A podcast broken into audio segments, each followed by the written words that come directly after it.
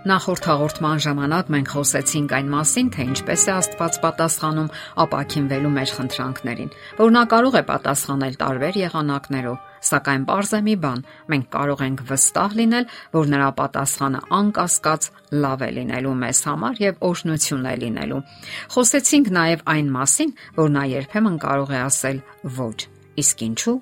մտորենք այդ մասին։ Որոշ դեպքերում Աստված իրեն իրավունք է վերապահում ասելու ոչ։ Նա անկասկած լսում է մեր յուրաքանչյուր խնդրանք, սակայն պարտավոր չէ պատասխանել այնպես, ինչպես մենք ենք ցանկանում։ Հարցն այն է, որ նա շատ ավելի լավ գիտի, թե ինչն է մեզ անհրաժեշտ այդ պահին։ Հասկանալի է, որ մեզ համար շատ դժվար է ընդունել այդ ոչը, եւ այնուամենայնիվ մենք պետք է իմանանք, որ Աստված երբեք չի սխալվում։ Աստծո կողմից նման լրությունը կարող ենք ընդունել որպես սիրո ապացույց։ Այո, այո, սիրո ապացույց։ Ի վերջո, միայն նա գիտի, թե ինչու է հենց այդ պատասխանն ուղարկում։ Մեր մարդկային բանականությունը չափազանց սահմանափակ է, որ հասկանա Աստծո բոլոր դիտավորությունները ողջ հստակությամբ ու լիությամբ։ Աստվածաշնչում կարդում ենք այդ մասին. Արթարև իմ խորհուրդները ձեր խորհուրդները չեն, եւ ձեր ճանապարհները իմ ճանապարհները չեն այլ ինչպես երկինքն է բարձր երկրից, այնպես էլ իմ ճանապարհներն են բարձր ձեր ճանապարհներից եւ իմ խորհուրդները ձեր խորհուրդներից։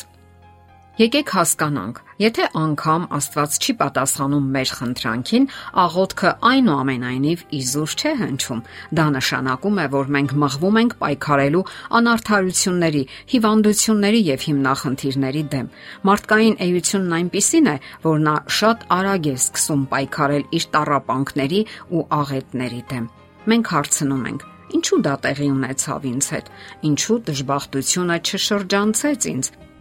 Արդյոք մյուսները պակաս արժանի էին դրան։ Ինչպես Աստված թույլ տվեց, որ դա տեղի ունենա հենց իմ կյանքում։ Այսպիսի եւ շատ այլ նման հարցեր մեկ անգամ եւս ապացուցում են, որ մենք չենք կարող հաշտվել մեզ համար տհաճ իրավիճակների հետ։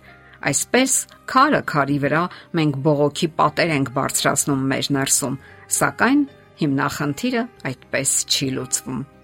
Եթե անգամ Աստված արագ ապակինում չի տալիս, ապա ուժ է տալիս դրան դիմանալու։ Նա գիտի թե որքան են մեր հոգեկան ու ֆիզիկական ուժերը, նա գիտի մեր հնարավորությունները։ Աստված այնքան շատ է սիրում մեզ, որ թույլ չի տալիս այնպիսի դժվարություններ, որոնք մենք ի վիճակի չենք հաղթահարելու։ Իր խոսքում նա հավաստիացնում է. Ձեզ ուրիշ փորձություն չի պատահել, բացի մարդկային փորձությունից, բայց Աստված հավատարիմ է։ Նա ձեզ չի թողնի ձեր կարողությունից առավել փորձվելու, այլ փորձության հետ ելքն էլ կպատրաստի, որ կարողանաք դիմանալ։ Շարունակել աղոթել։ Ինչ եք կարծում։ Հարկավոր է երկար մտածել այս հարցի մասին։ Պնդել մեր ասածը, թե ոչ։ Աստծո ծրագիրը մարդու վերաբերյալ նրան հավերժական կյանք ապարգևելն է։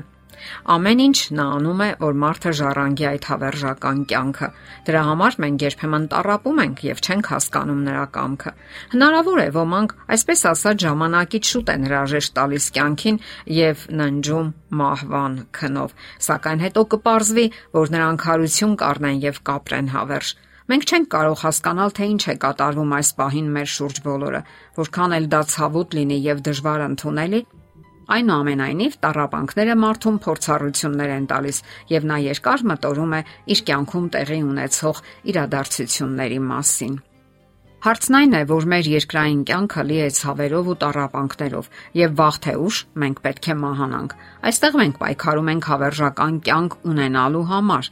եւ դրա համար երբեմն հարկ է անցնել դժվարությունների ու նեղությունների միջով Համեմատելի է արդյոք երկրային ժամանակավոր 70-ից 80 տարիների անցողի կյանքը հավերժական կյանքի հետ։ Անկասկած ոչ, եւ սովորաբար մենք ընտրություն ենք կատարում։ Մյուս կողմից պարտադիր չէ, որ մենք անպայման տարապենք կամ լուրջ նեղություններ ունենանք, սակայն երբեմն չենք կարող խուսափել այդ նեղություններից։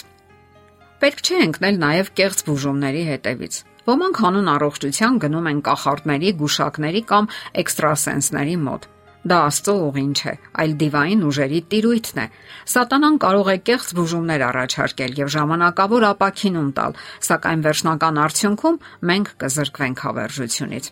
Դիվային ուժերը կարող են անգամ կրոնական մեթոդներ առաջարկել, ինչ որ նյութեր կամ առարկաներ կամ ժամանակավոր թեթևություն ապարգևել իրենց ծուղակն ու ազդեցության տակ գցելու համար։ Մենք պետք է հիշենք, Սատանան կեղծիքների մեծ վարպետ է եւ նրա նպատակը մեզ կործանելն է, հավերժությունից զրկելն է։ Դե ինչ, ապավինենք միայն Աստծուն։ Միայն նա գիտի, թե ինչն է լավ ու ինչն է ճիշտ մեզ համար, որովհետև սիրում է մեզ։ Վստահենք նրան մեր կյանքն ու առողջությունը, եւ նա կպատասխանի նույն վստահությամբ։ Եթերում ղողանջ հավերժության հաղորդաշարն է։ Հարցերի եւ առաջարկությունների համար զանգահարել 033 87 87 87 հեռախոսահամարով։